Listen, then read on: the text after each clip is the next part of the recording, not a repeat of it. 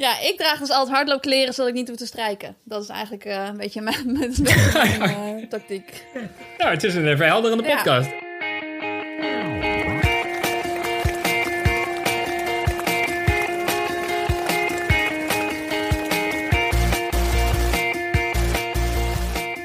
Welkom bij de 37e aflevering van Suzy Q&A, de podcast over hardlopen, trainingen en wedstrijden. Ik ben Oliver Heijman, hoofdredacteur van Runners World. En aan de lijn heb ik Susan Crummins, wereldtopper op de 5 en 10.000 meter. En Maria Hopman, hoogleraar inspanningsvoice fysiologie van het Radboud UMC.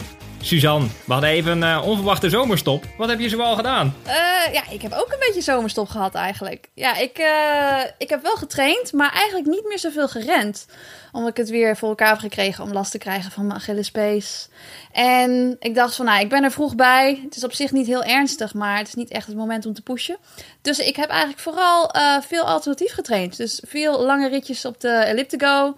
Ook veel op de Altitude getraind. Dus uh, ja, heel veel mensen hebben mij al lang zien scheuren op de elliptico. Omdat ik natuurlijk uh, best wel grote rondes daarmee maak. Iets verder kom dan tijdens het hardlopen. Maar op zich vind ik het niet zo erg. Want het is, nou ja, gewoon, ben gewoon lekker buiten aan het trainen. En op zich zit er natuurlijk ook geen druk achter van een groot toernooi. Dus uh, nou, ik vermaak me wel. Weet je dan inmiddels ook waar de iets te lage fietstunneltjes zijn, zeg maar, in de omgeving? ja, het is grappig dat je dat zegt. Want ik weet dus inderdaad wel precies uh, ja, waar de takken zijn waar ik even voor moet bukken. Maar dat was wel een beetje. Ja, uh, de eerste keer dat ik daar langs ging, heb ik inderdaad wel een paar keer gewoon een tak echt midden in mijn gezicht gekregen. Want die takken die worden dus gewoon, uh, ja, gewoon afgeknipt voor fietshoogte. En ik sta natuurlijk inderdaad veel hoger op dat ding. Uh, tunneltjes ben ik nog niet tegengekomen. Hele lage tunneltjes. Maar dat lijkt me wel spannend. Als je daar per ongeluk, per ongeluk een foutje maakt, is het erger dan het tak, denk ik. Maar ja, mensen moeten wel sowieso altijd al lachen als ze me langs zien komen. Dus soms als ik ook eventjes geen zin heb of zo, dat ik denk van nou, kan ik niet gewoon lopen vandaag? En dan stap ik op dat ding en dan zie ik iedereen weer lachen als ik langskom. En denk van nou, het is eigenlijk ook wel, het is te grappig om te doen. nou, het is mooi dat je de wereld net iets vrolijker kleurt. Ja. En je Achilles, is die alweer bijna helemaal in één stuk? Of? Uh, nou, op zich, ik heb nu geen. Ik heb bijvoorbeeld, uh, s ochtends heb ik geen, uh, geen stijve Achilles, geen pijn. En nou ja, normaal als er nu een toernooi zou zijn, dan zou ik echt wel harder gaan pushen. Um, en nu doe ik dat eigenlijk niet. En het is gewoon het belangrijkste dat ik dus geen pijn heb. Dus ik, ik weet eigenlijk wel dat ik wel meer kan doen. Maar dat doe ik dus expres niet. Omdat ik die pace ook gewoon gezond wil hebben voor volgend jaar natuurlijk. Dus um, nou, op zich gaat het best wel goed. Alleen, uh, ja, sommige mensen herkennen me ook gewoon niet. De visio die zegt ook van, uh, Suzanne, ben jij het nog? Want toen zei ik van, ja, ik ga op de AlterG en dan heb je natuurlijk drie variabelen die je kunt veranderen. Je kunt qua lichaamspercentage kun je omhoog. Je kunt qua snelheid omhoog en je kunt qua duur omhoog. En in het verleden zou ik gewoon alle drie tegelijkertijd omhoog gooien. Zodat ik zo snel mogelijk weer buiten kon rennen. Om dan natuurlijk snel me klaar te stomen voor het toernooi. En nu zei ik heel verstandig. Ja, als er eentje omhoog gaat, moet er iets anders omlaag. En zo bouw ik rustig op. dus ik ben Je wordt soft. Nou, ik ben ontzettend wijs aan het worden met de jaren. dat is het gewoon. Uh, nog even iets, uh, kort iets anders. Je, je goede vriend uh, Novan Djokovic had een iets minder leuke week. Heb je daar iets van meegekregen? Ja, ik heb daar wel iets van meegekregen. Ja, weet je... Ja, eigenlijk gewoon wat een sukkel. Kijk, het is, hij heeft natuurlijk heel veel dingen gedaan van tevoren waarvan je al dacht van... Ja, moet je dat zeggen dat je, dat, dat je tegen het vaccineren bent en weet ik wat allemaal. Hij heeft allemaal uitspraken gedaan dat je denkt van... Nou, best wel controversial. Dan gaat hij vervolgens dat toernooi organiseren. Het is ja, ik denk dat heel veel andere organisaties van evenementen hem dat niet echt in dank afnemen. Want het is ja, gewoon geen goede zet voor de sport. Maar goed, ik ben gelukkig komt er wel steeds meer goed nieuws voor ons als atleten en over evenementen die georganiseerd kunnen worden. Maar dat ja, door zo'n door één evenement waarbij het echt zo misgaat, kan het natuurlijk zomaar allemaal weggenomen worden. Dus uh, ja, we zijn er allemaal niet blij mee met die jongen. Nee, maar ik herken er wel iets van. Dat als je eenmaal één verkeerde beslissing neemt, dan is het soms heel verleidelijk om heel veel verkeerde beslissingen. Als je een beetje verdwaalt, zeg maar, dan ga je ook helemaal verkeerd. Ja, ik denk dat dat een beetje aan de hand was. Murphy's Law, maar dan keer keer tien. Ah, fijn. Precies. Onze gast dan, Maria Hopman. Uh, we hebben afgesproken dat ik uh, jij mag zeggen, dus ik ga mijn best doen.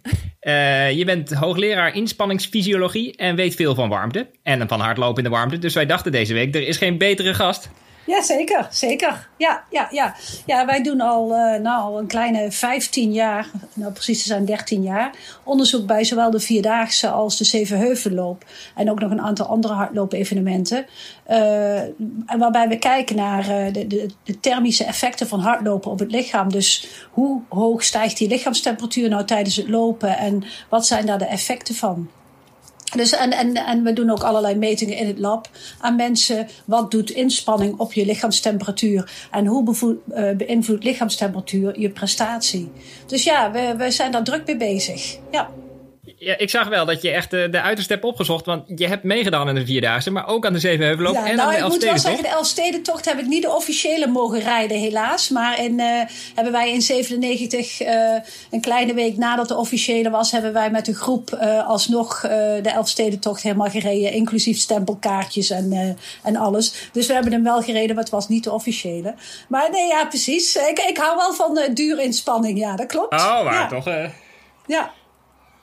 Maar daar, ik wou net zeggen, maar daar was het niet heel erg warm het heel uiteraard, koud, hè, bij die? Elfstedentocht. Daar waren geen uh, warmteproblemen. Nee. En het was ook niet heel erg koud. Het was natuurlijk een, uh, een ideaal jaar toen. In uh, 97 was dit, hè. Dus uh, ja, de laatste. De laatste, ja. ja. Ah, ja. Ik weet het nog goed. Het was de dag dat ik 20 werd. um, je, je, volgt momenteel 24.000 mensen, uh, velen al jarenlang. De helft is vierdaagse loper, de andere Ja, zijn ja. deelnemers aan de Zevenheuvelloop. Zeg ik dat goed? Ja, dit, dat onderzoek wat je nu aanhaalt gaat over ons grote vragenlijstenonderzoek. Daar zijn we in 2011 mee begonnen. En dat gaat over uh, de relatie bewegen en gezondheid. Dat is eigenlijk het centrale thema in ons onderzoek. En uh, met deze vragenlijst uh, proberen we inzicht te krijgen in, nou, wat doen mensen nou aan bewegen het hele jaar door?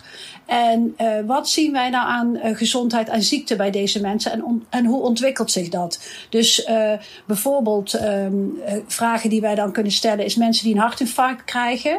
die zitten er ook bij. Die hebben dan op enig moment een hartinfarct gekregen. En dan kijken wij hoeveel hebben ze daarvoor bewogen. En kunnen we op grond daarvan iets zeggen over beschermd bewegen nou, tegen hart- en vaatziekten.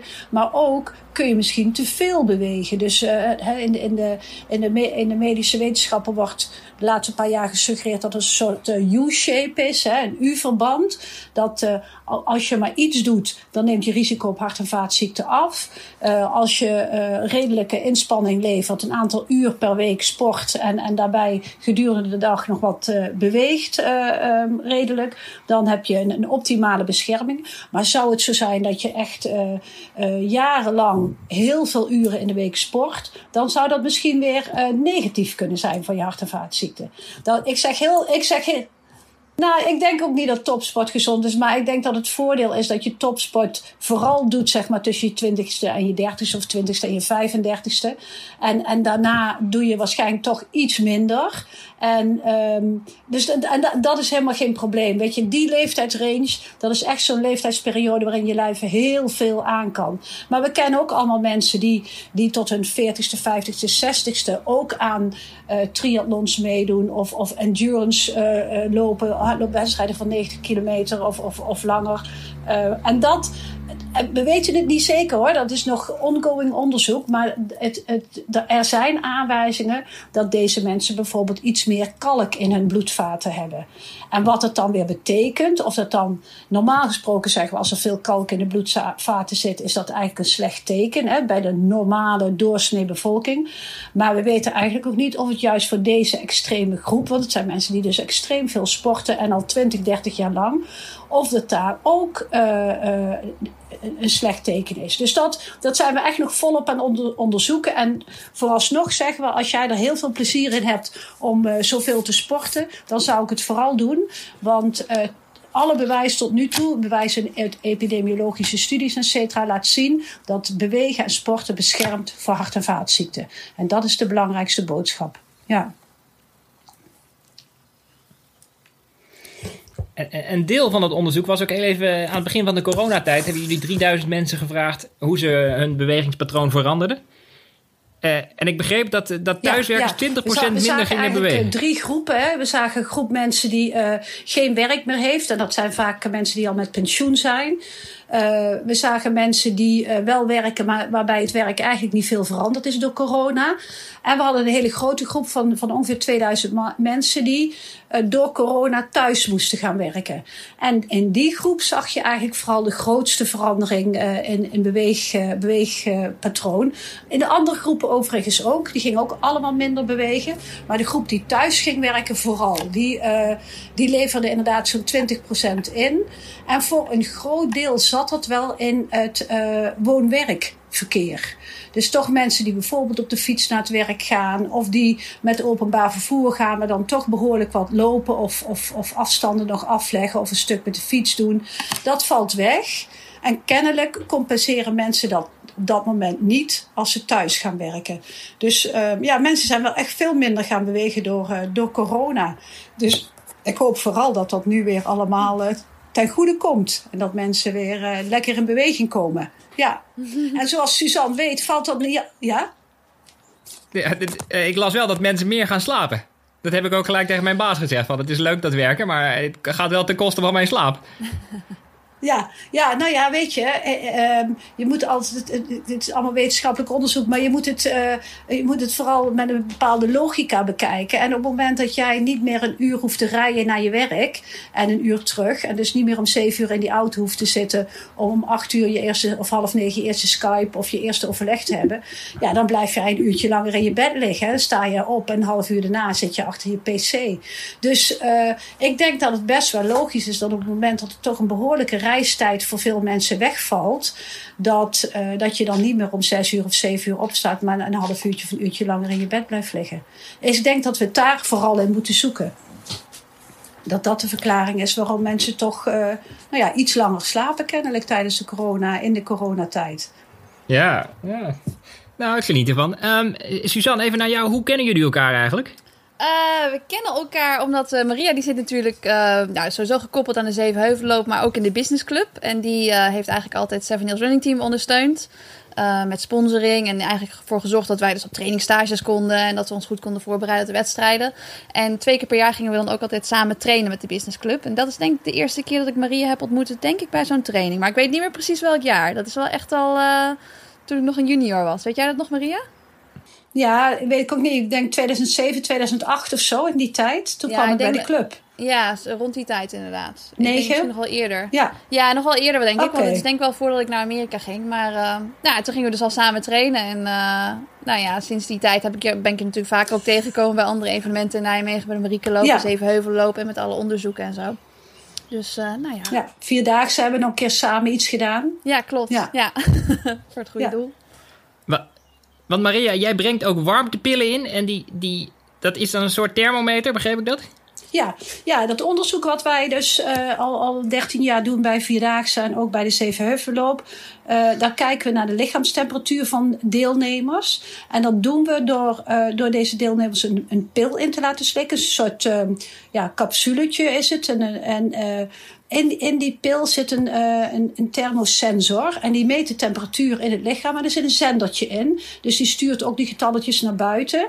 En die meten wij dan op met een apparaatje. Dus op die manier, uh, en daar slaan we ze ook op op. Dus dan kunnen we eigenlijk die temperatuur volgen tijdens uh, het wandelen of tijdens het hardlopen. En op die manier krijgen we een heel goed beeld over de lichaamstemperatuur. Tijdens sporten en inspanning loopt de lichaamstemperatuur op. Dat is heel logisch. Um, want uh, je spieren produceren heel veel warmte. Uh, en die warmte die komt eigenlijk uh, vrij in je bloed en die, die wordt door het lichaam getransporteerd. En zo neemt de lichaamstemperatuur van je lichaam toe.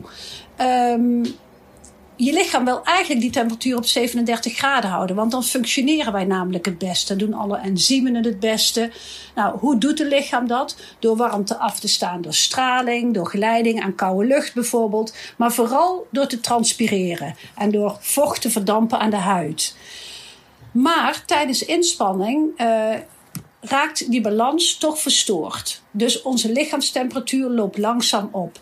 En tijdens een vierdaagse zien wij zo dat de lichaamstemperatuur gemiddeld 1 graad oploopt. Dat is eigenlijk niet zo heel veel. Dus dan heb je geen 37 graden, maar bijvoorbeeld 38 of 38,5 graad. Uh, maar tijdens het, tijdens het hardlopen loopt die veel meer op. We zagen bij de Zevenheuvelloop, waarbij het eigenlijk in het algemeen vrij koel is, zo'n 10 graden buitentemperatuur, zien we al gauw dat de, nou, dat, dat de helft of meer van de mensen boven de 39 graden zit met hun lichaamstemperatuur. En 15% van de mensen zit, zit boven de 40 graden. Dus uh, je ziet dat die lichaamstemperatuur behoorlijk oploopt. En waarom zijn wij daar zo in geïnteresseerd? Uh, daar zijn we eigenlijk vooral ook weer in geïnteresseerd, omdat uh, 42 graden de bovengrens is. We weten dat als de lichaamstemperatuur 42 graden wordt of hoger, dan kom je in grote problemen. En dan spreken we over heatstroke of hitteberoerte. Uh, en dat komt omdat die enzymen waar ik het over heb, dat zijn eiwitten. Die regelen alle processen in ons lichaam. En bij 42 graden gaan die denatureren. Net zoals je een ei in, in warm water uh, uh, laat vallen, dan zie je ook dat dat eiwit gaat vlokken. En zo moet je dat ook voorstellen bij je enzymen. Uh, en dat betekent dat de allerlei processen in het lichaam niet meer goed verlopen. En dan krijg je dat organen uit gaan vallen. Je nieren vallen uit. Je, uh, je krijgt problemen in je hersenen, je hart, uh, je longen. Dus al je organen uh, gaan het slechter doen. En dat noemen we ook wel multiple organ failure. En dan, daar kun je dus op korte termijn aan overlijden. Uh, en daarom, dat, dat is een van de belangrijke dingen waarom wij zo geïnteresseerd zijn in die lichaamstemperatuur tijdens inspanning. Een heel ander aspect is dat we weten dat naarmate je lichaamstemperatuur meer oploopt, dat je prestatie naar beneden gaat. Dus voor, voor, nou ja, hè, voor, voor de topsporters, maar ook voor degenen die toch uh, graag een goede tijd neerzetten bij wedstrijden, is het ook belangrijk om te weten: oké, uh, wat kan ik er bijvoorbeeld aan doen om mijn lichaamstemperatuur minder te laten stijgen, of misschien met een lagere temperatuur aan de start te staan, of uh, wat dan ook, zodat ik um, minder last heb in mijn prestatie van een stijgende lichaamstemperatuur. Maar ik heb wel eens begrepen dat hij bij Haile Gebrselassie, die, die dat jaar won, de Zevenheuvelloop, dat hij ook behoorlijk opliep eigenlijk. Dat hij daar relatief weinig last van had. Of? Ja, ja, dat klopt. Nee, we hebben, Haile is een van de uh, weinige, zo niet de enige Afrikaan die wij hebben kunnen meten. We hadden graag meer Afrikanen in ons onderzoek gehad, maar dat is toch lastig om, om, om, om dan een pil te laten slikken, zeg maar. Uh, maar Haile die deed mee, die won. En uh, die startte met een lichaamstemperatuur van uh, 37,8. En die kwam over de finish met een lichaamstemperatuur van 38,1. Dus die was maar drie, oh. maar drie tiende, gestegen, ja. drie tiende gestegen. En uh, dat is ongelooflijk weinig. Hmm. Hij won dat jaar, dus je kunt ook niet zeggen dat hij het rustig aangedaan heeft. Um, en, en dat is ook wel een van de hypothesen dat, dat zeg maar de Afrikaanse loper dat die uh, qua thermoregulatie waarschijnlijk toch een voordeel heeft boven uh, nou ja, zeg maar de Europese loper. En dat dat waarschijnlijk voor een deel al genetisch bepaald is. Omdat zij toch uh, meer aan warmte blootgesteld zijn gedurende nou ja, de, de, de, duizend jaren dat ze zich geëvolueerd hebben. En um, meer dan, meer dan wij en zeker ook uh, in, in de laatste uh, nou ja, paar honderd jaar zijn de klimaatomstandigheden natuurlijk heel verschillend. En dat, dat kan toch maken dat lopers die daar uh, geboren zijn en ook, ook trainen, dat die een andere thermoregulatie hebben dan lopers hier. En dat, ik, kan, ik een voordeel, voor, en dat kan een, een groot voordeel zijn. Ja. Ik wil nog even naar dat ei, want dat vind ik altijd een hele griezelige vergelijking. Want dat is redelijk onomkeerbaar, toch? Als je een ei, zeg maar, bakt, dan, dan wordt dat ei nooit meer zoals het was. Is dat ook zo in het lichaam? Of? Ja, dat, dat, is een hele goede vraag. Dat is, eigenlijk is dat ook de kern van ons, uh, ons verhaal. Want wat wij zeggen is, kijk, als er een loper is met een hoge lichaamstemperatuur en klachten. We zeggen dan eigenlijk een temperatuur boven de 40 graden en met klachten. En klachten is dan verwachtheid, uh, uh, uh, slordig lopen, zeg maar, onge, ongecoördineerd lopen, hoofdpijn, slecht zien, uh, dat, soort, dat soort symptomen. Dan zeggen we, is er maar één behandeling en dat is zo snel en zo rigoureus mogelijk koelen. Mm. Dat betekent dat je zo iemand eigenlijk het liefst meteen in een koelbad legt, helemaal, van top tot teen. alleen het hoofd er nog even uit. met ijsklontjes, dus echt van, van 0 tot 4 graden is dat water. Precies om die reden die jij aan, uh, aanstipt. Uh, het enige wat helpt is die temperatuur zo snel mogelijk omlaag, zodat uh, de schade beperkt blijft. En we weten dat hoe langer het duurt voordat je zo iemand in een koud bad krijgt, of hoe langer het duurt voordat je die lichaamstemperatuur naar beneden krijgt, hoe groter de schade is. En uh, de schade die kan dusdanig zijn dat je eraan overlijdt, maar het kan ook zo zijn dat je schade hebt en dat je het gelukkig overleeft, maar dat je er wel maanden, jaren of, of soms zelfs levenslang last van hebt. Dus uh, er zit zeker een risico bij dat je blijvende schade hebt. Ja. En daarom is het echt heel belangrijk rigoureus koelen. Dus uh, het hele lichaam en in zo koud mogelijk water. En is er geen koelbak, dan moet je denken aan een slootje of aan een tuinslang of wat dan ook. Maar koud water koelen, dat is het allerbelangrijkste. Want andersom, ik was zo'n jongetje wat altijd ijskoude handen had. En dan kwam ik thuis en dan wilde ik ze onder de kraan houden. Maar dan mocht ik ze niet gelijk onder de warme kraan houden. Want dat zou heel slecht zijn voor mijn lichaam, die overgang. Maar dus als je te warm bent, dan, dan kan je niet extreem genoeg koelen. Nee, ja, dat, dat is ook een beetje uh, um, uh, de, de angst die sommige mensen hebben. Die zeggen dan, ja, maar je kunt toch niet iemand zomaar in zo'n bak met, met ijswater leggen. Dat, dat, dan misschien krijgt hij wel een hartstilstand of uh, wat gebeurt er dan wel niet. Maar we hebben het zelf afgelopen jaar bij de Dam tot Damloop een ruim aantal keren toe moeten passen. En ik ben zelf ook bij de Valmoedrace geweest. Waar heel veel mensen gek genoeg in zo'n in zo'n bak terechtkomen omdat dat het daar heel warm en vochtig is. Um, en je ziet eigenlijk dat niemand er een probleem mee, mee, heeft. Dus als je zo heet bent, is het eigenlijk helemaal geen probleem om in zo'n koud water uh, terecht te komen. En, en van al, in de literatuur van de duizenden gevallen die er beschreven zijn, is er eigenlijk nooit iets van een hartstilstand gerapporteerd. Het zijn eigenlijk juist allemaal uh, succesverhalen. In die zin dat mensen, ja, veel mensen na een uurtje eigenlijk uh, naar huis gaan. Ja. En gewoon misschien zich niet helemaal top voelen, maar wel gewoon naar huis gaan en, en thuis rustig bij kunnen komen. Terwijl als je het niet gedaan had, hadden ze waarschijnlijk op de intensive care gelegen. Dus het is een, uh, eigenlijk een hele simpele manier, maar uh, ja, wel uitermate doeltreffend. En we zitten nu in het proces om dat eigenlijk in Nederland ook veel meer voor het voetlicht te brengen. Dat bij elke hardloopwedstrijd uh, er toch wel zo'n bak met ijswater. En zeker rondom het finishgebied, want daar gebeurt het meestal. Mensen uh, lopen toch door tot die finish of vlak voor die finish en komen dan in de problemen. Ja, Suzanne, jij had het gisteren nog over die Colum Hawkins, oh, het goed? Die Australië? Callum, Callum Hawkins, ja. Tijdens de ja. Commonwealth Games in 2018, dat was in uh, Gold Coast in Australië. Toen hadden ze de marathons gepland. Volgens mij was het om 7 uur en om 8 uur s ochtends. En uh, de mannen die startten om 8 uur s ochtends. En toen was het heel heet. Ik weet niet meer. Het was denk ik iets van 35 graden en ook best wel vochtig. En die Callum Hawkins die, uh, die liep. En die liep op kop. En die liep twee minuten voor iedereen uit. En nou ja, op 40, ja, op 40 kilometer liep hij nog twee minuten voor iedereen uit. En uiteindelijk is hij niet gefinished. Hij is een paar keer neergevallen. Inderdaad, helemaal door de hitte bevangen. Wel weer opgestaan, weer begonnen met, met rennen. En wat je ook zegt, heel ongecontroleerd.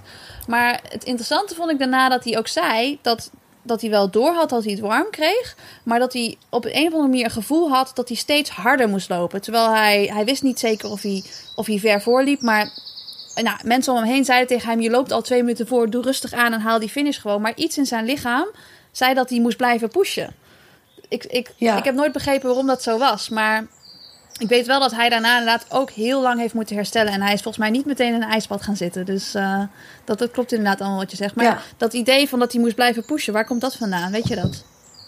Nou, ik, ik weet het niet zeker, maar het enige wat ik zou kunnen bedenken is dat. Uh, kijk, het, het heeft uh, zeker effecten op je centraal zenuwstelsel. Hè. Daarom loop je ook zo ongecontroleerd. Uh, sommige mensen raken buiten bewustzijn. Sommige mensen worden bijvoorbeeld heel agressief.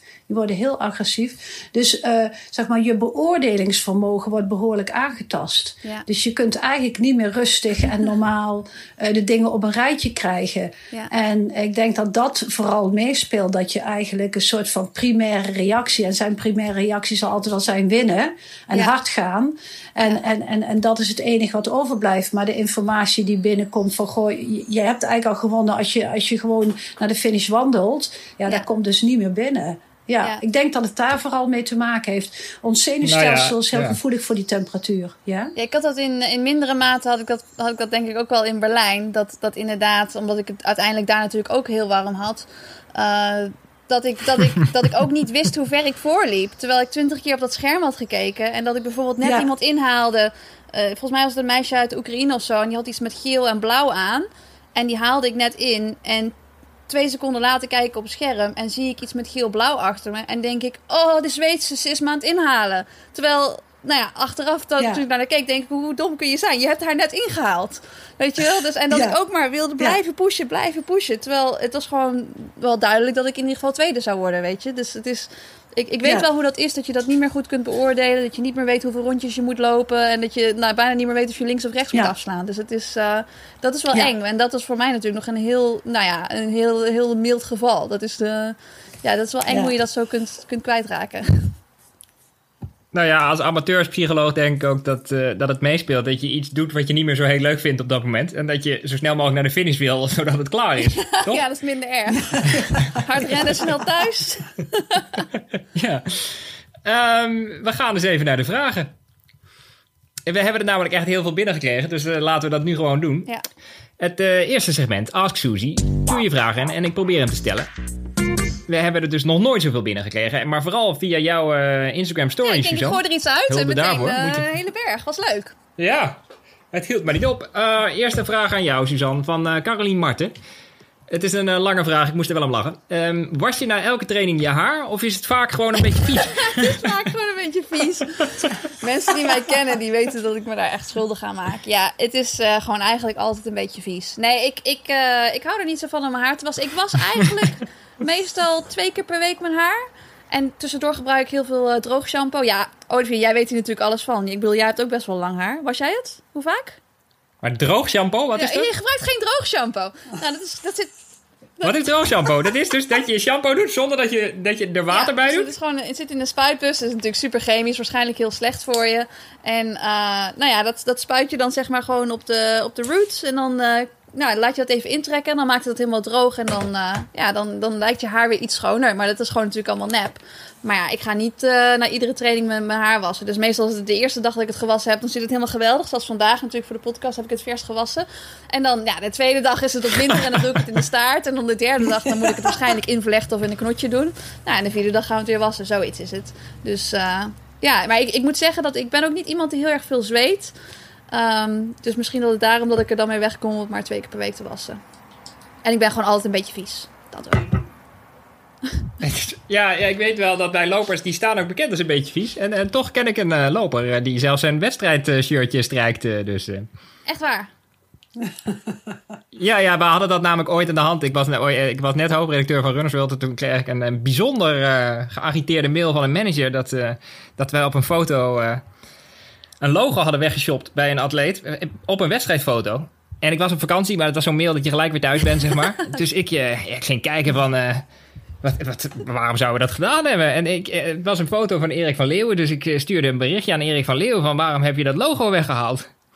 Eh, eh, toen hij zei, ik heb helemaal geen logo weggehaald. Dat zou ik ook nooit doen. Maar uiteindelijk kregen we de atleet zelf, zeg maar, aan de lijn. En die zei, ja, ik had 's ochtends mijn, mijn wedstrijdshirtje gestreken. Maar toen bleef het logo aan de strijkbout zitten. Wow!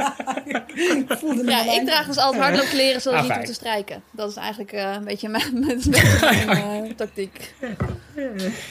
Nou, het is een eh, verhelderende Ja. podcast. Ehm, we gaan door met een vraag van eh Vera de Vries. zelf een groot talent overigens. Heeft dagen van tevoren extra water drinken voor de wedstrijd zin? En zo ja, waarom? Dat heb ik me ook wel eens Ja, afgevraagd. die is voor Maria.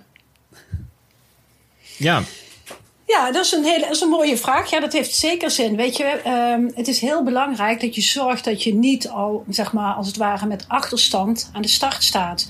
Ehm, en met achterstand bedoel ik dan een beetje uitgedroogd. Dus het is zeker belangrijk om te zorgen dat je goed eh, opgevuld, aangevuld start.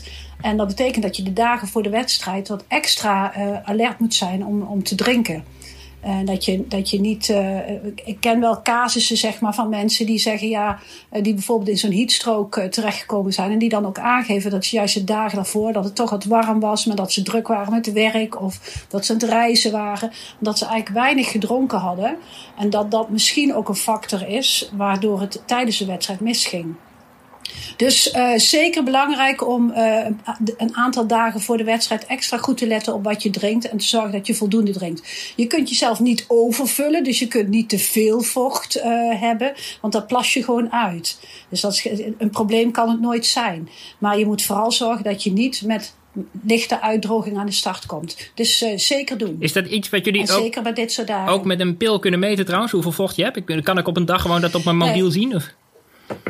Ja, dat is een hele leuke vraag. Ja, nee, weet je, daar zijn we eigenlijk al jaren mee bezig en hebben verschillende projecten opgehad om, om een, een makkelijke manier, methode te bedenken hoe je nou vocht kunt meten in het lichaam. Hè? Dat je kunt zeggen van iemand is zoveel uitgedroogd of zoveel. Kijk, je kunt het heel makkelijk meten aan je gewicht. Als jij hebt hard gelopen en je meet je van tevoren en je meet je daarna en je ziet ik ben twee kilo afgevallen, dan ben jij twee liter vocht kwijt. Zo simpel is het. Heb jij dan onderweg uh, een liter gedronken bijvoorbeeld, nou dan was je eigenlijk drie liter kwijt, maar die ene liter heb je aangevuld. Zo kun je dat bijvoorbeeld heel goed doen na een wedstrijd. Uh, dan kun je ook heel goed zien van hoeveel vocht ben ik kwijtgeraakt. Dan had ik niet veel meer moeten drinken. Uh, dat geeft allemaal een indicatie. En het geeft vooral ook een indicatie of jij iemand bent die tijdens een wedstrijd bijvoorbeeld een halve liter kwijtraakt. Suzanne geeft al aan, ik zweet niet zoveel. Dus ik denk dat zij dan op zo'n 10 kilometer toch nog misschien relatief weinig kwijt is. Maar wij hebben mensen gezien met een marathon die na een marathon wel 5, 6 kilo kwijt waren. En dan toch onderweg al wat gedronken hadden. Maar er zijn mensen bij die transpireren enorm. En uh, ja, dat heeft een enorme impact op je prestatie. En ook op je thermoregulatie. Hè? Dus, dus dat vocht heb je ook weer heel, goed, heel erg nodig voor je thermoregulatie. Dus uh, belangrijk om uh, te zorgen dat je in elk geval voldoende gedronken hebt voordat je aan de start verschijnt. En vervolgens is het, ja, wat kun je tijdens een wedstrijd drinken? Dat ligt natuurlijk aan de afstand. Ja, nou ja, dat weten we natuurlijk allemaal. Je kunt ook geen liters onderweg drinken. Dat gaat gewoon niet. Maar is zweten dan goed of, of slecht, zeg maar, als je goed kan zweten? Of zweten goed is? Ja. Nou, zweten is iets wat, wat zeg maar voor een deel intrinsiek bepaald is. Mannen zweten meer dan vrouwen bijvoorbeeld. Maar je hebt onderling heb je ook weer behoorlijke verschillen. En zweten uh, wordt toch ook wel een beetje, kun je ook wel een beetje trainen door, door te sporten en door sauna enzovoort. Ga je in het algemeen ook wat sneller en makkelijker zweten. Door je bloot te stellen aan de warmte zoals die er nu is, uh, gaat je lichaam ook weer wat sneller zweten. Dus er is wel een, een soort trainbaarheid in. Uh, en er zit een genetische factor in. Nee, dus maar moet je het willen trainen, zeg maar? Is het beter om veel te zweten? Ja, ja, eigenlijk wel. Want als je veel zweet, betekent het dat je thermoregulatie goed is. Hè? Dus dat je, goed, uh, dat, je, dat je meer capaciteit hebt om je temperatuur op peil te houden. Je kunt ook weer te veel zweten, want alles wat van je afdrupt, doet niet mee aan thermoregulatie, maar raak je wel kwijt. Hè? Dus dan moet je dat toch wel weer allemaal goed aanvullen. Dus je zou kunnen zeggen, er zal ergens een optimum zijn, waarbij je optimaal thermoreguleert, maar niet te veel vocht kwijtraakt, dat je echt aan het uitdrogen bent. Maar waar dat optimum per persoon ligt, dat, uh, dat weet ik niet. Dat zou ik niet zo kunnen zeggen. Maar um, je, hebt het je hebt het zweten wel nodig voor je thermoregulatie. Het optimum, dat doe ik dus. Dat is gewoon glinsteren. ik dacht al, wat zit je daar te doen? Maar je zit gewoon ontzettend te glinsteren. Um... Wil ik nog even vragen? Thomas Kogels vraagt, wat is... Even, hoor. Uh, ja. Als je kijkt naar of je genoeg gedronken hebt, urine en de kleur van urine, is dat niet gewoon een hele simpele manier om dat, om dat bij te houden? Of wat vind je ervan? Ja, is ook een hele goede. Dus als je, als je urine richting uh, koffiekleur gaat, dan, uh, dan weet je echt dat je veel te weinig gedronken hebt. Ja, en uh, als die gewoon uh, bijna wit is, doorzichtig, uh, dan, dan drink je zeker voldoende. ook het aantal keren hè, dat je naar het toilet moet om te plassen, ja. dat is bepaald natuurlijk ook. Hoef je maar één keer per dag, ja, dan moet je toch echt wat meer gaan drinken. Dus, dus ja. dat soort dingen geeft zeker aanwijzingen. Ja. ja, ik kijk daar zelf ook wel altijd naar, maar ik weet nog een keertje dat ik een, uh, dat ik een dopingcontrole had en dat ik mijn sample uh, inleverde. En dat, dat die vrouw tegen me zei, die controleer zei: um, Are you alright? Sowieso. Hij was natuurlijk gewoon helemaal roze door het bietensap. Dus. Uh... oh. Are you alright? ja, dat kan ook nog. Ja, dan, dan zie je er niks meer aan of je gehydrateerd bent. Maar ja. dat is wel grappig. Ja. Ja, nee, ja, ja. Um, Thomas Kogels vraagt: wat is bij warmte het beste moment van de dag om te lopen? Ik vraag me dat ook wel af. Is dat ochtends vroeg of s'avonds laat? Of is daar niks over te zeggen? Maakt het eigenlijk ja, niet uit. Ik heb dat ook nog wel, wel interessant. Ja, het ligt eraan waar het is natuurlijk. Ja, goed, ga maar. Ga jij maar. ja, ik, ik zou... Ik zou zeggen, als je kijkt naar temperatuur, dan is dat natuurlijk toch s ochtends vroeg. Hè? Om, om, om 6, 7, 8 uur zo in de ochtend is het natuurlijk toch koeler dan het uh, vaak uh, s'avonds is. Maar het ligt natuurlijk ook aan, ben jij een ochtendloper of een avondloper? Hè? Dat, dat scheelt ook nog wel. En, en op dit soort warme dagen heb je natuurlijk toch ook wel enige smokontwikkeling gedurende de dag. Dus dan is het uh, aan het einde van de dag lopen ook minder, minder geschikt. Dus al met al zou ik zeggen, de ochtend vroeg in de ochtend is, is het beste om te lopen. Dan heb je de minste last van de warmte en van de smog.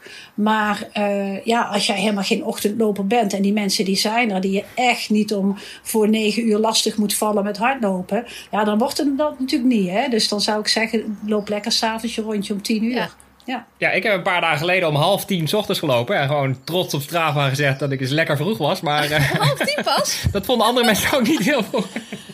Ja, ik wil hierover zeggen dat eh, het ligt natuurlijk ook wel een beetje aan wat je gewend bent. Maar ik weet nog toen, wij, eh, toen, ik, in, toen ik in Florida natuurlijk studeerde, toen trainden we gewoon met het team en hadden we het niet, niet voor het zeggen hoe laat we zouden gaan, eh, gaan lopen. Maar daar was het 's ochtends natuurlijk ja, hele hoge luchtvochtigheid en de rest van de dag was het gewoon heel heet. Dus het was, ja, eigenlijk maakte het ook niet zoveel uit. Het voelde gewoon altijd warm aan.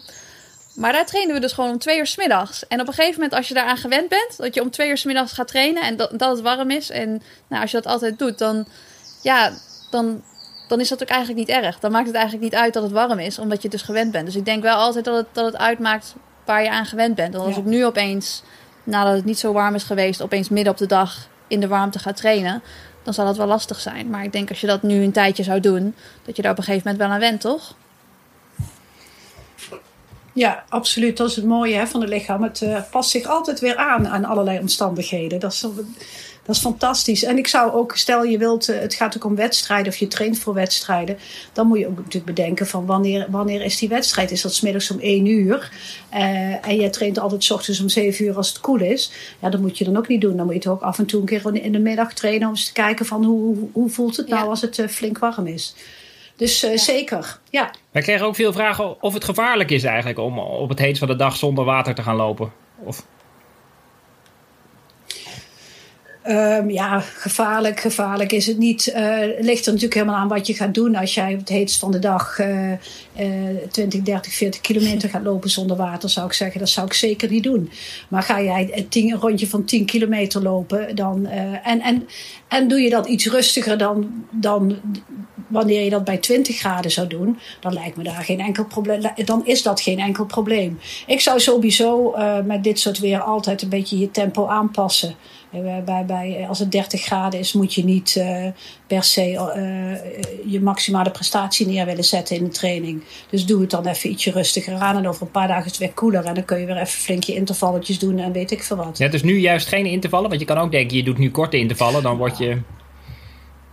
Ja, nee, ik wil niet zeggen dat je geen intervallen mag doen. Maar ik zou het net allemaal, alles wat je doet, net, net ietsje, ietsje minder doen. Omdat het toch, kijk, die warmte geeft een extra belasting voor je, voor je lichaam. Omdat die thermoregulatie eh, flink aan moet. En dat is, dat is ook een extra belasting voor je hart. Want eh, voor die thermoregulatie moet er heel veel bloed naar de huid. Er gaat ook heel veel bloed naar de spieren, want daar is die zuurstof en die brandstof nodig. Maar er gaat ook heel veel bloed naar de huid voor eh, die thermoregulatie om je warmte kwijt te raken. Dat betekent dat er eigenlijk netto minder bloed naar je hart terugkomt. En dat het hart dus eigenlijk per slag iets minder uitpompt. Nou, dat compenseert het hart door sneller te pompen. Dus je hartslag gaat al eerder omhoog. Dus je loopt eigenlijk jezelfde tempo, wat je normaal doet, loop je op een hogere hartslag. En dat komt omdat, door die belasting van die thermoregulatie. Dus het voelt voor jou al sneller van, oké, dit, eh, eh, dit is al behoorlijk inspannend. Dus, dus, dus om die reden zou ik zeggen, eh, pin jezelf niet helemaal vast op hetzelfde tempo en dezelfde afstand of dezelfde intervalsnelheid. Eh, doe het een klein. Ja, als je altijd op de hartslag loopt, is dat een goede. En dan zul je zien dat je met dezelfde hartslag Ja. nu wat, Ja, wat dus als je een langzamer threshold loopt. zou doen, dan zou die iets langzamer zijn. Ja. Eh, nog een vraag van eh, Kim Dille, eh, die zelf ook een behoorlijk potje kan lopen. Is er een soort formule voor de impact van eh, hitte? Ja, dat is, dat is een leuke. Eh, ik ken hem niet. Ik ken, ik ken geen formule voor, eh, voor hitte. Wat dat, eh, zeg maar, of je dat kunt, per graad kunt vertalen naar bijvoorbeeld vermindering van prestatie. Is ook, ook daar weer zitten grote individuele verschillen. Er zijn mensen die, die floreren bij 30 graden. En er zijn mensen die, die zeggen: ik, ik loop helemaal niet meer bij 30 graden. Dus, dus je hebt daar grote verschillen in. Ehm, maar ik ken geen formule om uit te drukken wat het op je prestatie eh, doet. Het is wel een leuke, ja. Denk je ook, eh, denk je dat een gedeelte ervan ook wel bepaald wordt door hoe je er zeg maar eh, mentaal in staat? Als je denkt van, ik ga het heel warm krijgen en het gaat heel zwaar worden, dat je dan ook minder goed presteert. Dus dat je er eigenlijk geen formule voor kunt hebben, omdat ja, dat mentale gedeelte kun je toch niet, niet meten. Ja. ja, ik denk zeker dat dat meespeelt. Dat uh, als je al uh, loopt te puffen en, en, en uh, inderdaad denkt van oh, dit wordt zo zwaar. En dat, dat, dat, ik denk dat, die, dat, dat je mentale insteek heel belangrijk is. En, um, maar daarnaast zijn er toch ook wel mensen die aangeven uh, juist zeg maar, boven de 25 graden, boven de 30 graden, eigenlijk altijd hoofdpijn te krijgen met lopen. Of altijd, dus, dus er zijn ook wel mensen die echt fysieke ja. klachten krijgen van lopen in de hitte. En ja, weet je, ook als je toch minder kunt transpireren, dus slecht je warmte kwijt kunt raken, dan kan dat ook wel weer ja. een nadeel zijn. Dus, dus er zijn wel ook, ook gewoon uh, zeg maar, fysieke factoren die kunnen maken dat, je, dat het lastiger is. Maar uh, de mentale factor zal ja. zeker een rol spelen, absoluut. Ja, daarop uh, aansluitend nog een vraag van Jill Holteman. Die ook al uh, heel goed loopt trouwens. Wij hebben gewoon de snelste luisteraar van Nederland. Um, zij vraagt of je kan leren transpireren. Je zei er net al iets over, dat je in de sauna kan gaan zitten en zo. En dat je je, je, je lichaam wel een beetje dat kan aanleren. Ja, ja, het lichaam adapteert aan heel veel omstandigheden. En zeker aan, thermische omstandigheden. Dus bijvoorbeeld nu met dit weer is het ook het, het, het, advies eigenlijk aan iedereen, los van of je wel of niet sport, om regelmatig naar buiten te gaan overdag en even of een blokje om te lopen. Maar voor sporters, om echt ook in dit weer te sporten. Want dan dan adapteert je lichaam aan die warmte en ga je sneller transpireren. Dus bij, al bij een lagere uh, lichaamstemperatuur. Dus ga je normaal zeg maar rond de 38 graden transpireren. Dan is een, een aanpassing dat je nu al bij 37,8 bijvoorbeeld gaat transpireren. Bovendien uh, verlies je minder zouten. Dus de concentratie van zouten in je zweet wordt ook lager. En dat is ook een gunstige aanpassing. Dat is eigenlijk gewoon het acclimatiseren aan, aan warmte. Maar wil je dan moet je je er wel aan blootstellen. Dus, dus haar, vraag, kun, kun je dat trainen? Ja, als je jezelf maar blootstelt. En daarom is bijvoorbeeld een sauna is ook gewoon een middel waarbij je een aantal keren hè, in zo'n sauna-sessie uh, je flink blootstelt aan de hitte. Dus even alle zweetklieren aanspreekt en flink openzet. En dat maakt dat als je sport, dat, je, dat, het dan ook weer, dat je ook weer wat sneller en makkelijker transpireert. Maar ook juist dit weer uh, uh, heeft een effect op, op ons, ons transpireren. En daar heb je de hele zomer plezier van als je nu een beetje gewend aan dit weer. Dus niet de hele dag in een airco gaan zitten. Ja, ik, ik wil het zeggen over, uh, over de sauna. En over het uh, adapteren. Dat vorig jaar toen ik in St. Moritz was, waren er ook een aantal marathonlopers. Die natuurlijk in Doha buiten in, in de hitte de marathon zouden gaan lopen. En nou, in St. Moritz was het in september gewoon niet zo warm. Maar ze wilden wel een beetje gaan wennen aan die warmte. En wat ze deden was uh, een, gewoon een training. En meteen na de training, ze finishten de, de cooling down gewoon voor de deur van de sauna. En daarna meteen de sauna in. En de sauna was niet eens heel heet. Het was volgens mij iets van, uh, ik weet niet, 70 graden of zo. En ik kan zelf, kan ik, kan ik heel goed tegen de sauna. Ik kan gewoon rustig in de sauna zitten en ik, ik heb het niet heel snel warm. En toen ben ik één keertje meegegaan dat we dus een duurloopje deden. Een rustig duurloopje van een half uurtje. En dat ik daar gefinished ben bij die sauna. Toen de sauna ingestapt. En ik kon maar ik wilde proberen om daar 10 minuten in te gaan zitten. Dat is niet eens, niet eens overdreven lang. En ik kon er maar iets van 6 minuten in zitten. Omdat ik net een rustig duurloopje in een best wel gewoon koude omgeving had gedaan. En toen merkte ik wel, van, toen dacht ik wel, dat is wel bijzonder dat als je daar inderdaad niet aan blootgesteld wordt. Want ja, in die weken daarvoor was het natuurlijk niet warm in St. Moritz. Dat je er helemaal niet aan gewend bent. Maar die uh, atleten die dus zeg maar, nou die hebben dat geloof ik iets van drie keer per week gedaan. Uh, vier weken lang. Uh, in de aanloop naar Doha.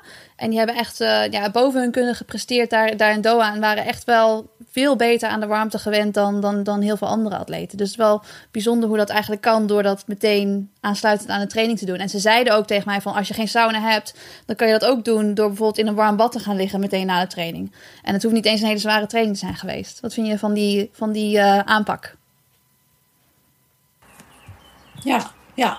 En waarom kon jij maar zes minuten? Ik had het te warm. Ik dacht, ik moet er nu uit. En, maar misschien was het ook wel omdat oh, natuurlijk ja, ja. wist ik... Nou ja, ik wilde gewoon even kijken hoe dat aanvoelde.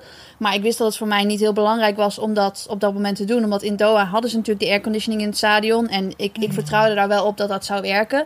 En daarnaast wilde ik ook niet dat ik hierdoor een of ander negatief effect zou hebben op de trainingen in de dagen daarna. Dus ik wilde het ook niet zoveel ja, pushen. Maar ik wilde alleen eventjes aanvoelen hoe het zou zijn. En toen verbaasde ik me wel dat ik het zo zwaar vond. En ik denk wel dat dat een, een strategie is en iets wat ik zou kunnen doen in de aanloop naar Tokio, waar het natuurlijk veel belangrijker is om te wennen aan de warmte. Want nou ja, daar hebben ze geen airconditioning, die gaan ze Ja, ook niet bouwen. Dus eh, dan moet ik er beter aan gewend zijn. Maar op dat moment was daar gewoon geen tijd voor. En eh, ja, het voelde niet Ja. goed aan, nee.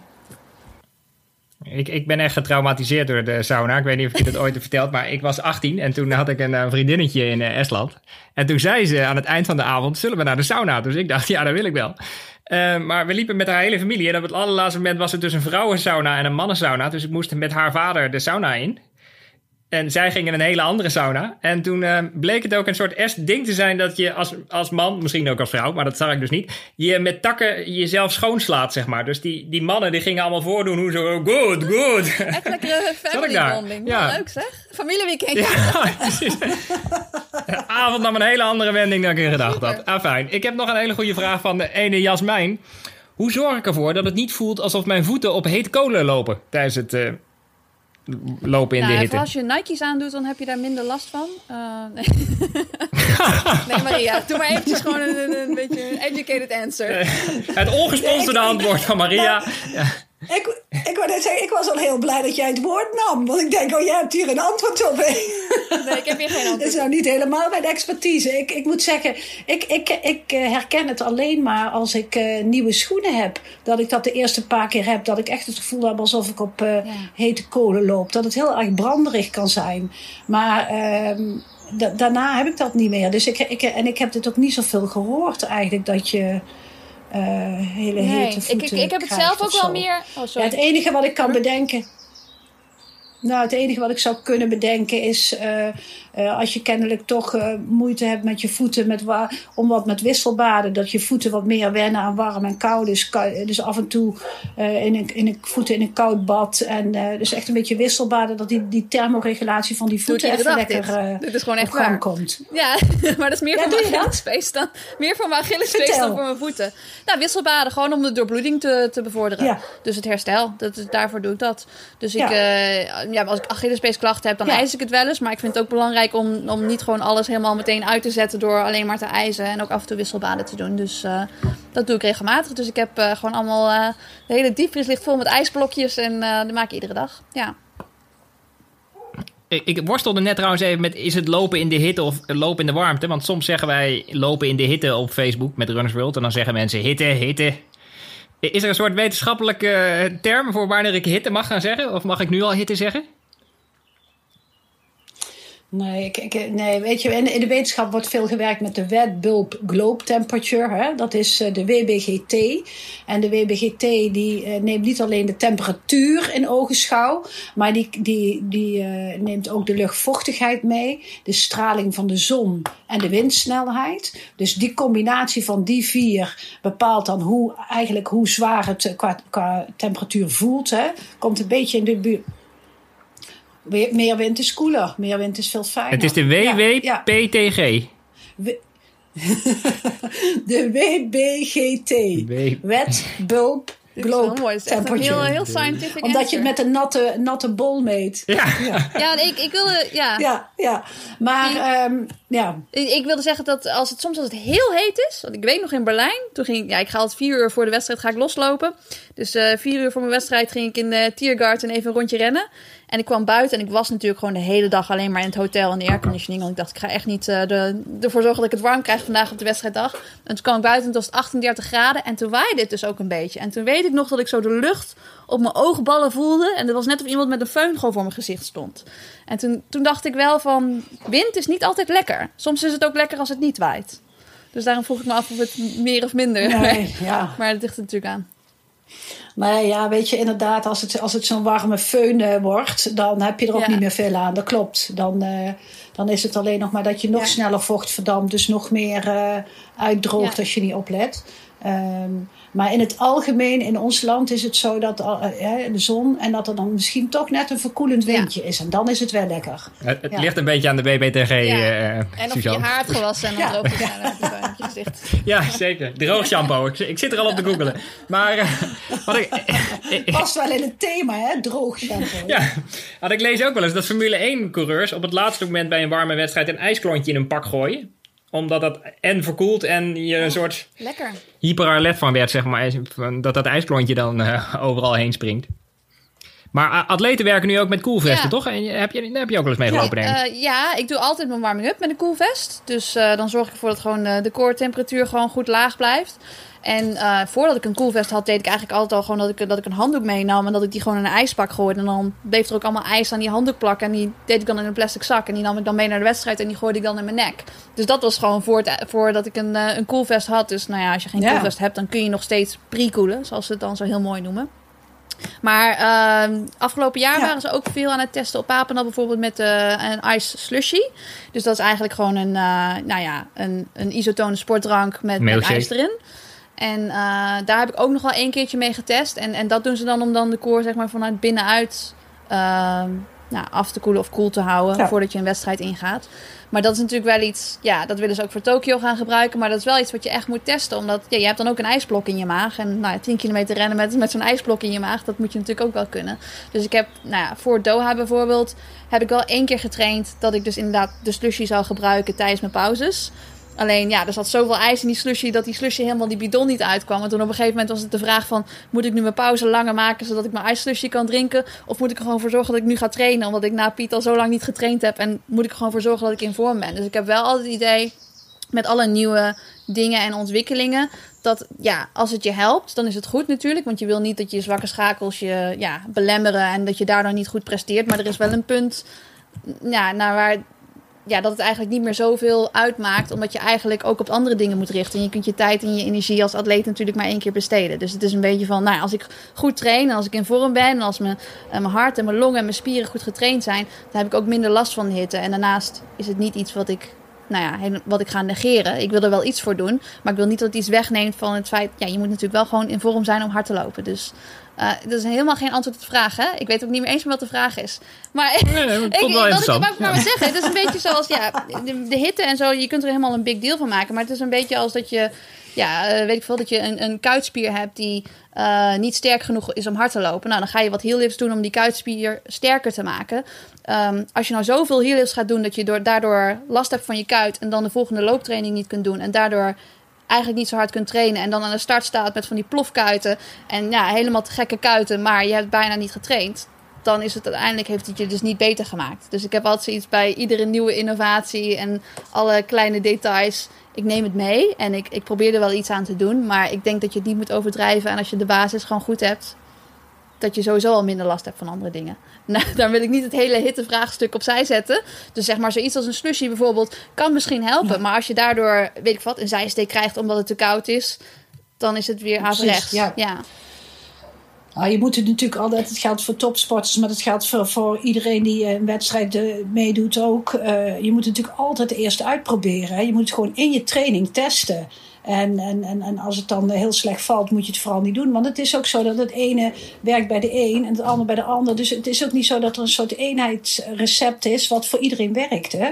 Dus Ja. je moet het gewoon ook eh, zelf uittesten. En inderdaad, je kunt tegenwoordig met name pre-cooling. We hebben het ook wel over per-cooling. Hè? Dus dan tijdens. Maar ja, bij atletieke eh, evenementen is dat natuurlijk veel minder aan de orde. Ehm, Oh, daar heb ik wel een vraag over. koel.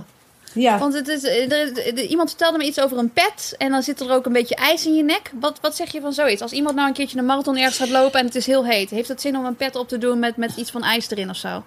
Ja, Je zag het nou weet je, er zijn hele mooie. Ja, er zijn hele mooie ontwikkelingen. Hè. We hebben ook dat project eh Thermo Tokyo. Hè. Dat wordt ook van ons, door onze groep getrokken. Thijs IJsvogels is daar eh, de trekker van. En daar zit ook Delft bijvoorbeeld in. En die ontwikkelen hele mooie materialen om, om, eh, om, om zeg maar beter beschermd te zijn tegen de warmte. Onder andere dit soort zaken. Een pet die beschermt tegen de warmte en een pet waar je mee kunt koelen. Maar je moet altijd opletten met dat soort koeldingen. Ehm, die werken vaak kortdurend. Hè? Dus een kwartiertje, misschien een half uurtje. En dan hebben ze toch, nemen ze toch de temperatuur aan van je lichaam. En dan heeft het natuurlijk geen effect meer. Ja. En, eh, dus daar moet je heel goed naar kijken. Als je een marathon loopt en je, en je hebt iets, je moet, je moet een paar gram extra meedragen. En het koelt je alleen maar het eerste kwartier. Ja, dan is dat waarschijnlijk niet heel erg, erg effectief voor jou. Dus je moet het altijd kijken van voor welke situatie. Kijk, het mooiste is wat jij ook beschrijft in de warming-up. eh, bij, bijvoorbeeld bij teamsporten in de pauze. Dan kun je heel goed koelen. Uh, nou, dat soort. Uh, je moet kijken waar kun je wat toepassen en waar draagt het bij aan een uh, verhoging van de prestatie. Maar zeker zo'n zo, zo Tokio-situatie, ja, daar, is, daar, is, daar kan het heel erg warm zijn. Ja. En dan is het natuurlijk toch belangrijk om daar aandacht aan te besteden. Ja, Ja. met zo'n slushy bijvoorbeeld. Je ziet Oh, bij Nederlandse sorry. wedstrijden... Ja, met zo'n slushy maar. bijvoorbeeld. ehm, nou, dat is dus natuurlijk bewezen, want anders dan zouden wij daar niet mee testen. Dat je daarmee je koortemperatuur lager kunt houden. Als mensen dit zoiets thuis zouden willen doen, zou het, helpt het dan om bijvoorbeeld eh, gewoon een koudere sportdrank te drinken voordat ze gaan lopen? Of, of denk je van dat heeft het niet hetzelfde effect omdat het geen ijs is? Ja, jawel, alles heeft effect. Dus je kunt dan zeggen, ik neem een koude drank eh, die, ehm, eh, uit, de, uit, de koel, eh, uit de koelkast of uit de diepvries. Of een drankje met ijsklontjes erin. Ja. En dan ga ik eens kijken hoe me dat bevalt. Of je doet dat in je, in je bidon of in je... nou, en, en dan kun je eens kijken, hoe, hoe bevalt dat? eh, ehm, eh, hoe reageert mijn maag erop tijdens Ja. inspanning zo'n koude drank? Ja. Want dat moet je gewoon uittesten. Ja, dat is natuurlijk altijd spannend. En dan moet je ook een beetje trainen. Ja. Dan moet je ook een beetje trainen. Ja. Ik zie tijdens Nederlandse wedstrijden ook vaak mensen met een sproeier staan. Kan dat kwaad? Is, is dat alleen maar goed om doorheen te lopen, zeg maar? Kan je ook te veel afkoelen? Ja, nee, dat is zeker niet, eh, dat is zeker niet het risico. Want dat eh, gaat dan vaak om wedstrijden met een, bij, bij een hoge temperatuur, zeg maar. Dus te veel afkoelen niet. Eh, het idee van de sproeier is natuurlijk, je, je bent op dat moment even ve- weer nat, vochtig, hè, glinsterend, zoals eh, Suzanne het zegt. En dat betekent dat je dan vocht, meer vocht van je huid verdampt. En dat onttrekt de warmte aan je lichaam. Ehm, waar je voor op moet letten is dat ehm, die bubbel zeg maar, van die sproeier, daar heb je een 100% luchtvochtigheid. Dus daar verdampt helemaal niks. Als je 100% luchtvochtigheid hebt, dan verdampt er niks. Maar loop je er doorheen, dan ben je net even nat. En dan loop je vervolgens weer in een omgeving met 30, 40, 50% luchtvochtigheid. En dan ga je lekker aan het verdampen en, en raak je warmte kwijt. Dus je moet. eh, ik heb ook wel eens de vraag gekregen op festivalterreinen: is het dan goed om daar ook dat soort sproeiers neer te zetten? Maar dan krijg je dat je met z'n allen in een enorme bubbel zit Ja. van hele hoge luchtvochtigheid. En dat wil je vooral niet. Want dat is, eh, dat, dat, dat is bijna desastreus voor je thermoregulatie. Eh, zolang je er bij een hardloopwedstrijd doorheen loopt, kan het geen kwaad. En je moet het ook niet continu hebben, want dan krijg je, creëer je een hele route met een hoge luchtvochtigheid. Maar af en toe, zo'n zo'n sproeier, daar, eh, die draagt bij aan warmteuitwisseling en daarmee aan het afkoelen van het lichaam. Ik, eh, ik moet eh, naar de laatste vraag. Die komt van Henk Albers. eh, die toevoegt: Deze vraag moet je haar echt stellen. Nou, daar, daar gaan we doen, Henk. blij mee. Ben- Maria, ben wat is, je, ja, wat is je PR en de Zevenheuvelenloop? Ja, dat is een leuke. Nou, daar hadden we, daar hadden we het inderdaad laatst over. En ja, mijn PR is eh 1 uur en 3 minuten. En, maar. Henk, Henk kan die tijd niet terugvinden in zijn, in zijn boeken. Dus dat, moet, dat is nog eh, van de jaren 80. Toen was ik nog jong. En, eh, en, eh, dus ik moet nog even Maarten Krol nog eens eventjes benaderen. Want dat moet toch, er moet toch ergens geregistreerd staan. Dus ik, ik hou het wel op de 1-3. En Henk had een tijd van 1-5 eh, een aantal jaren geleden. Een jaar of 5, 6 geleden. Maar eh, ik hou het toch op de 1-3. Ja. Het is zeker, zeker sneller dan die van Henk. Gelijk heb je. Nee, dat zeker niet. Nee, nee, nee. nee. Ja. Want, en wat was jouw beste tijd, Suzanne? Ja, ik weet het niet precies. Ergens in de 47, eh, 40, 47. 42, zoiets. Ja. Ja. ja. toen heb ik doorgelopen dat jaar. Je hebt er in ieder geval een segmentje aan overgehouden, dat weet ik wel. Heb je ook nog een vraag voor Suzanne of voor mij natuurlijk? Mail hem dan naar mijn adres olivier.heimel.hurst.nl En wie weet komt jouw vraag dan in onze volgende podcast. Nou, we gaan gelijk door naar het volgende segment, eh, Suzanne. En we hebben er al bijna een uurtje op zitten.